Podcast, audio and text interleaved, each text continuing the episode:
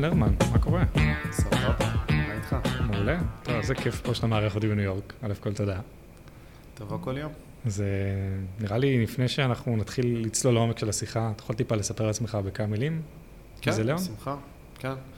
אה, ליאון לרמן, בן 32, אה, במקור מירושלים. אה, הרבה שנים בתל אביב, עברתי לניו יורק לפני אה, שנתיים וחצי, ממש לפני שהקורונה התחילה אה, לעשות לנו שמח בעיר. אתה אומר שנפלת לחלק שניו יורק עדיין הייתה יקרה, ולא קיבלת את ההטבות של הקורונה באיזשהו מקום בשכר דירה. בדיוק, זו המשמעות הכי חשובה, אבל אה, יצא כמה חודשים לחוות את העיר לפני שהמסך ירד.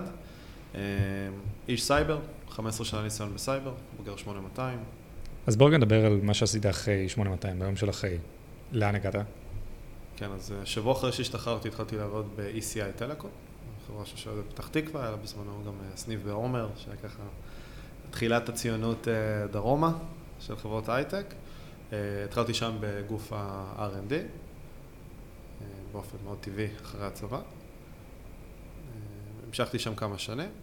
באיזשהו שלב הבנתי שהרבה יותר מעניין אותי לא רק לקבל את הדרישות של הלקוחות באקסל, אלא, ואז לעשות את עבודת פיתוח ו-QA, אלא ממש לפגוש את הלקוחות, לדבר איתם, להבין את הכאבים שלהם, לנסות לעזור להם. זה סוג של עבודת product באיזשהו מקום. product ו pre-sales, זאת אומרת, יותר אה, להיות הצוות לדחוף להם הטכני. את ה... רגע, אתם צריכים את זה, זה ואת זה גם באיזשהו מקום בזה.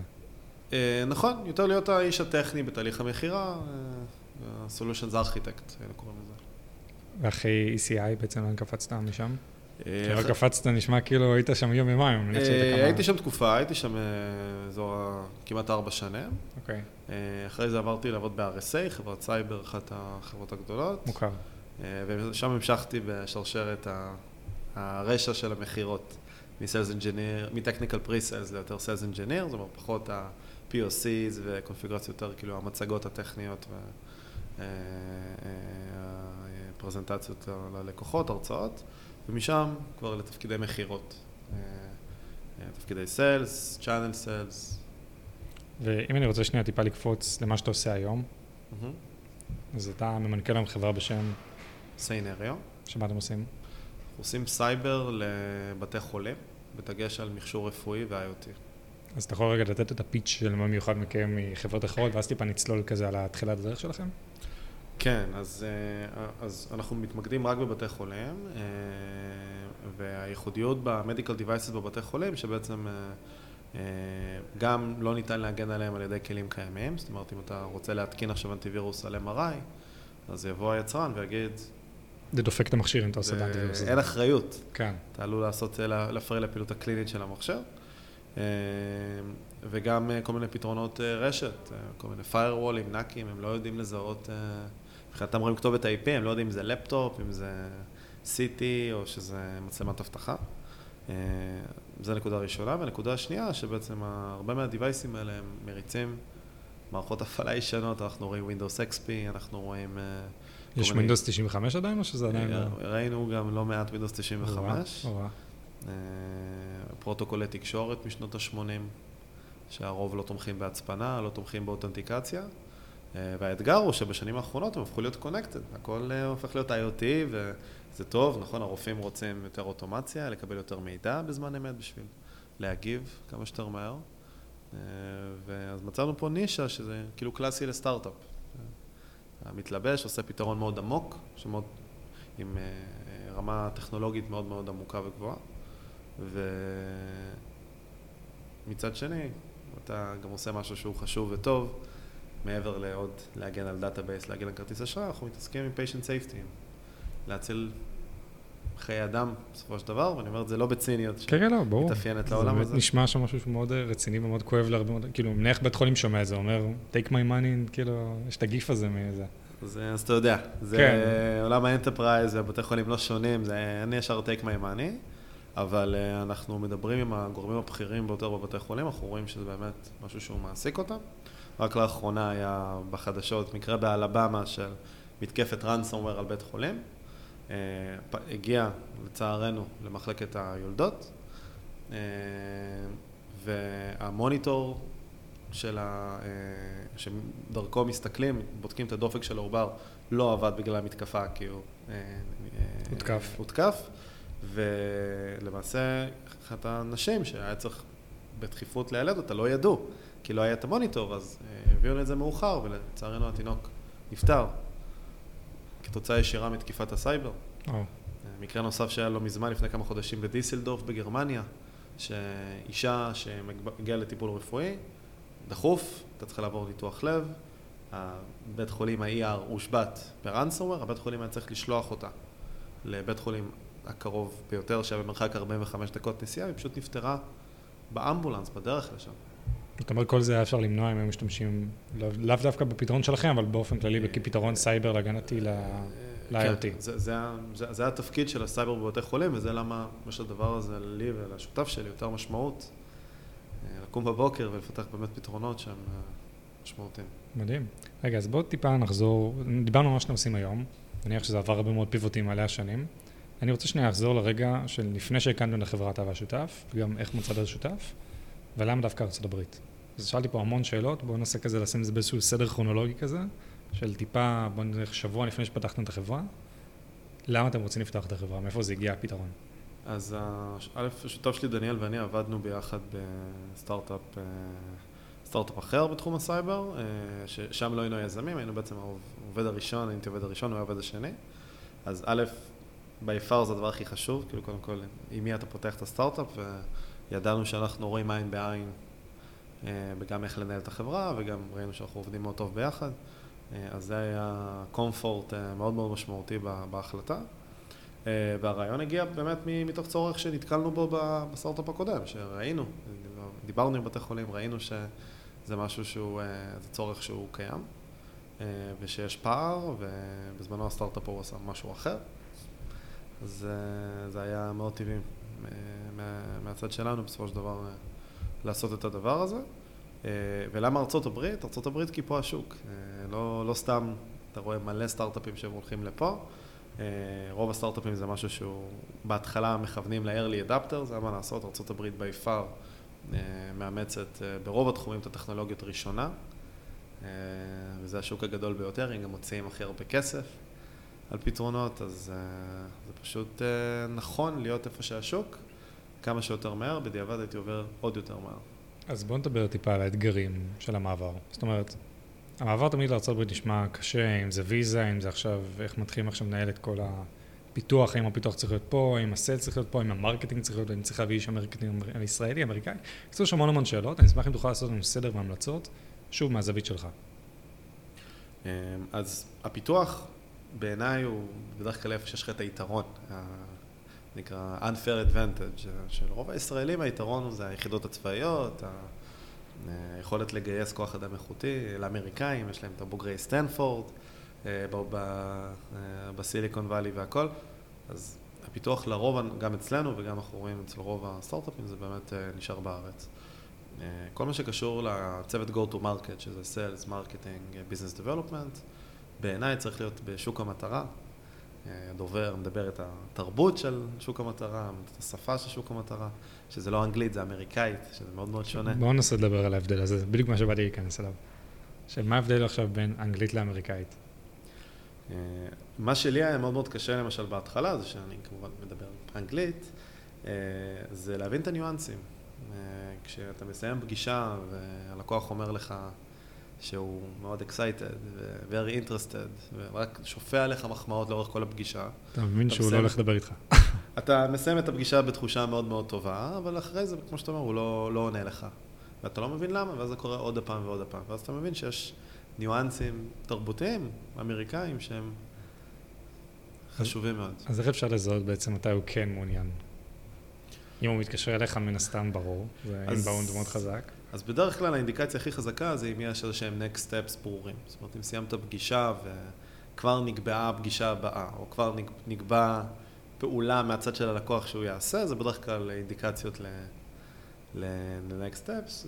ב-high level להסתכל יותר על המעשים ופחות על המילים, כי המילים יכולות להיות מאוד מכובסות ושמטרתן מאוד לא להעליב, יש פה קידוש מאוד גדול ללא להעליב, לא לפגוע. לעומת הישירות והדוגרי הישראלי. של כזה, עזוב אותי, כאילו, לא, לא תהיה פגישה הבאה, כנראה. מגניב. ואם אני רוצה שנייה לדבר טיפה על לגייס אנשים אמריקאים, אה, האינסטינקט הראשוני היה לגייס דווקא ישראלי או דווקא אמריקאי? האינסטינקט הראשוני היה לגייס ישראלי כי זה, ישראלי כאן, אה, בארצות הברית, כי זה מוכר ויותר קל לנהל ואתה הרבה יותר מתחבר תרבותית. אה, לצוות מכירות דווקא עם הזמן הבנו שהדבר הנכון זה לגייס אה, יותר את האמריקאים, שיש להם גם את הגינונים וגם את ה-know-how ואת הקשרים ואת ה-relationships והכל, שזה עבודה מאתגרת, זה מאוד שונה לראיין אמריקאים, זאת אומרת, כמו שאתה בא למכור למישהו. אז הרעיון המכירה למעשה זה, הרעיון, העבודה של סיילס פרסון הוא למעשה הוא מוכר לך. נכון. אה, ו... איך אתה יודע אבל כאילו להבין מי זה בן אדם רציני, מי זה בן אדם פחות רציני? אז זה מורכב, מאוד מאוד מורכב. אה, עם הזמן אתה מפתח מיומנויות של גם לרדת יותר לעומק. זאת אומרת, אם אתה שואל שאלה, אני חושב שיש לך איש מכירות, ואתה שואל אותו כמה מכרת, אז הוא ייתן לך, או איך מכרת, אז הוא ייתן לך סיפור. מטורף על איך הוא הביא עסקה, מיליונים, בעצמו, עם... אה, אבל ברגע שאתה מתחיל לשאול את השאלות ולהבין, רגע, איך הבאת את העסקה, מי עוד היה מעורב, מה היו ההתנגדויות, ואתה מתחיל לרדת למטה, אז בדרך כלל אתה מתחיל יותר להבין, להבין כמה הוא באמת היה מעורב, וכמה הוא באמת בדיטלס, ואיזה אתגרים היו לו, ואיזה מהלכים, ואז בסוף אתה מגלה שהצוות של עשרה אנשים, שהוא בסופו של דבר אה, היה זה שבדק אם יש נייר במדפסת או לא. אה, אבל קשה מאוד להבין את זה, כי העטיפה נראית מאוד מאוד מרשימה, ואם אתה מסתנוור מהעטיפה, אז אתה יכול באמת לעשות את הטעות. זו נקודה ראשונה, והנקודה השנייה היא הרבה רפרנסים. ולא בהכרח הרפרנסים שהמועמד נותן לך, אלא כמה שאפשר back references.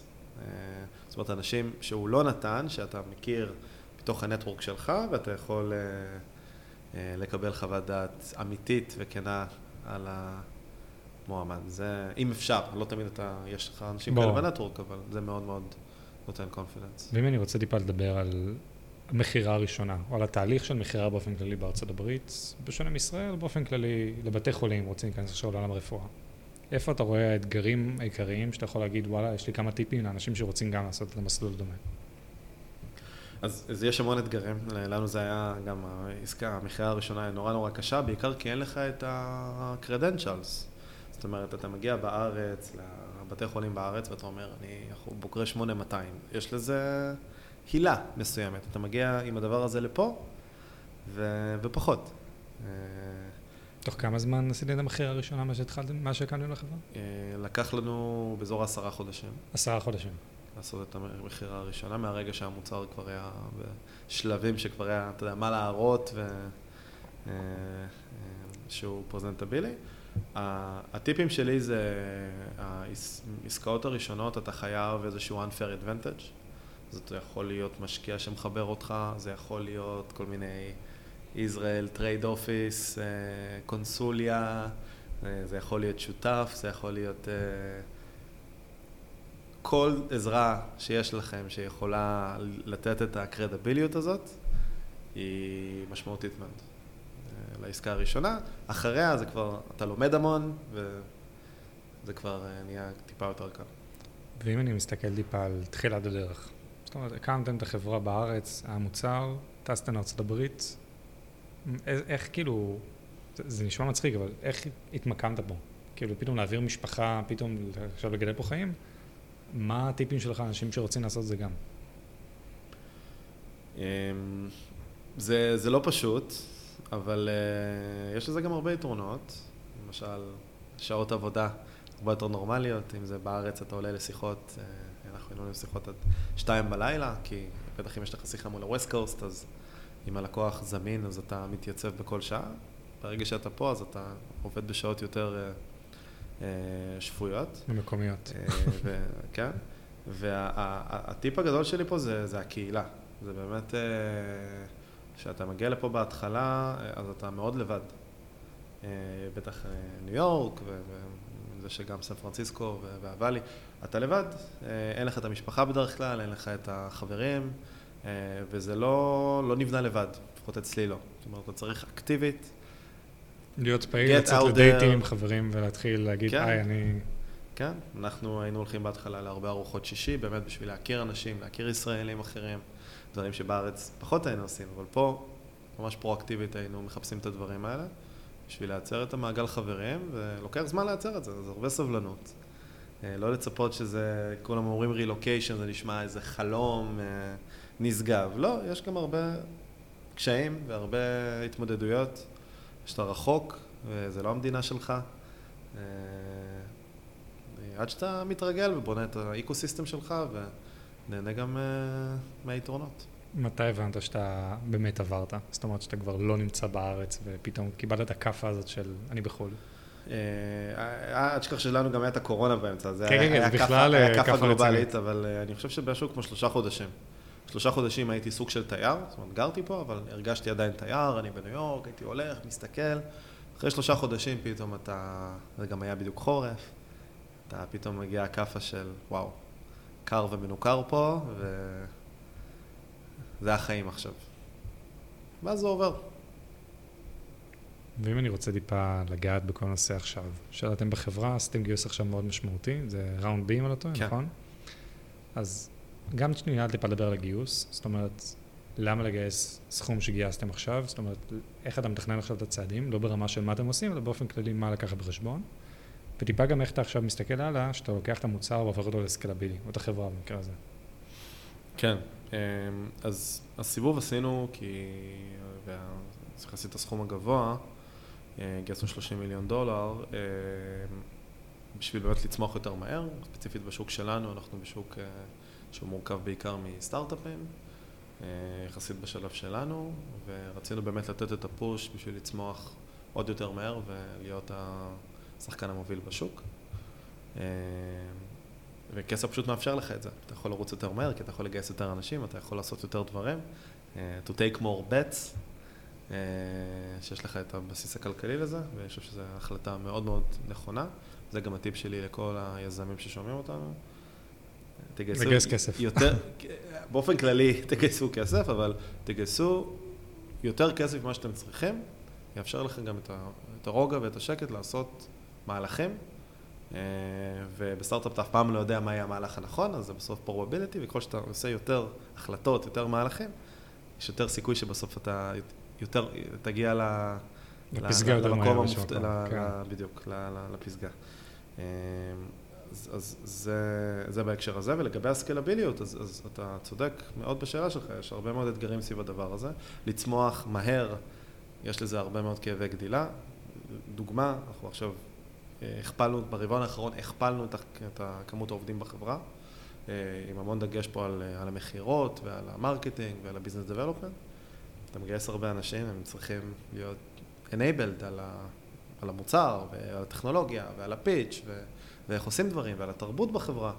וכשזה בהדרגה עובד עובד, אז אתה יכול לעשות הרבה יותר, אה, זה כשזה פתאום מגיעים לך 25 עובדים חדשים, אז uh, אתה צריך uh, לשכלל את המנגנונים שלך בחברה, לשכלל את איך אתה מודד דברים, uh, כי אחרת אתה שורף הרבה מאוד כסף.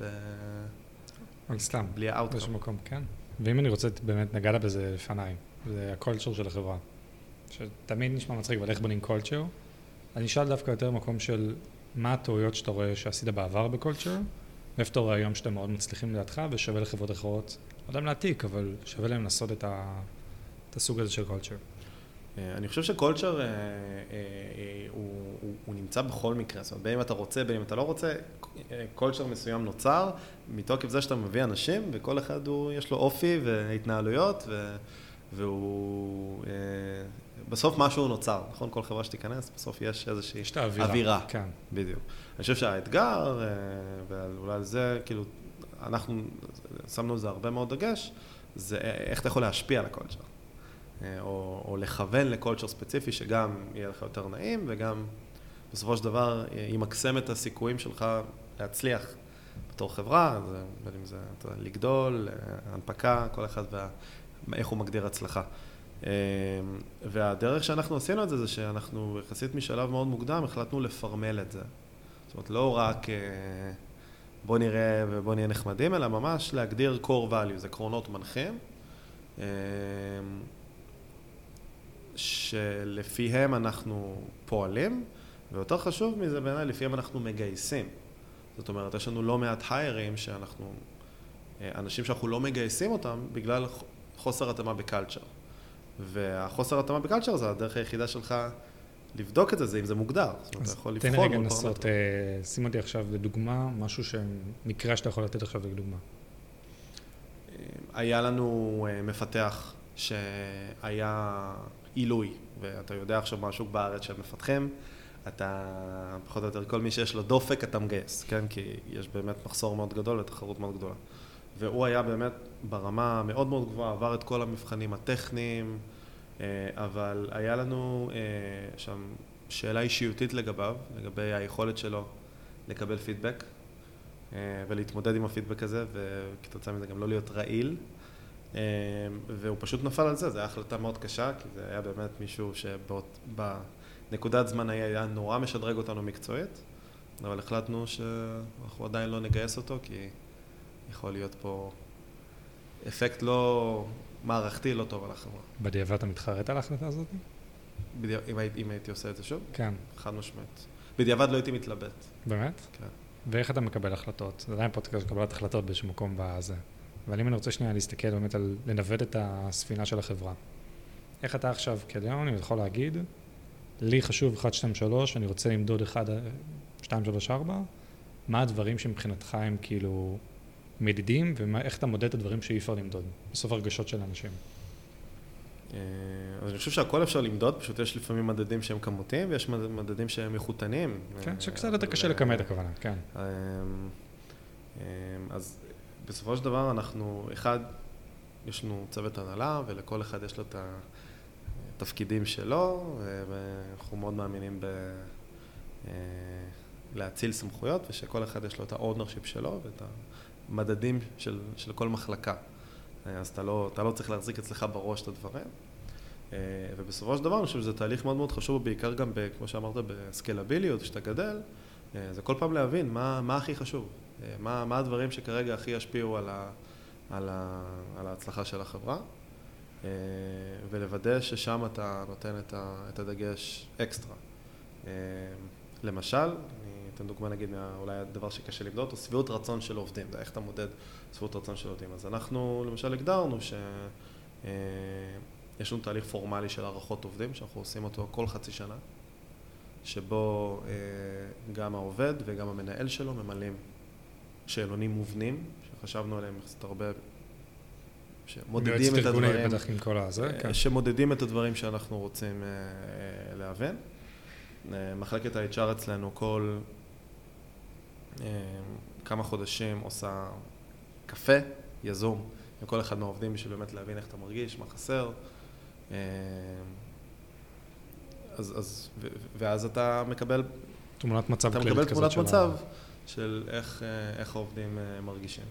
אה, אם עכשיו אתה, היעד המרכזי הוא העסקי, הוא יעד מכירות מסוים, אז אתה מסתכל מהם הדברים שבסופו של דבר משפיעים על הדבר הזה, לא רק ברמת התוצאה הסופית, כי אתה יכול להגיד, אוקיי, יש איש מכירות, נתתי לו קווטה שנתית של מיליון דולר, דצמבר, כמה הבאת? 400, לא טוב.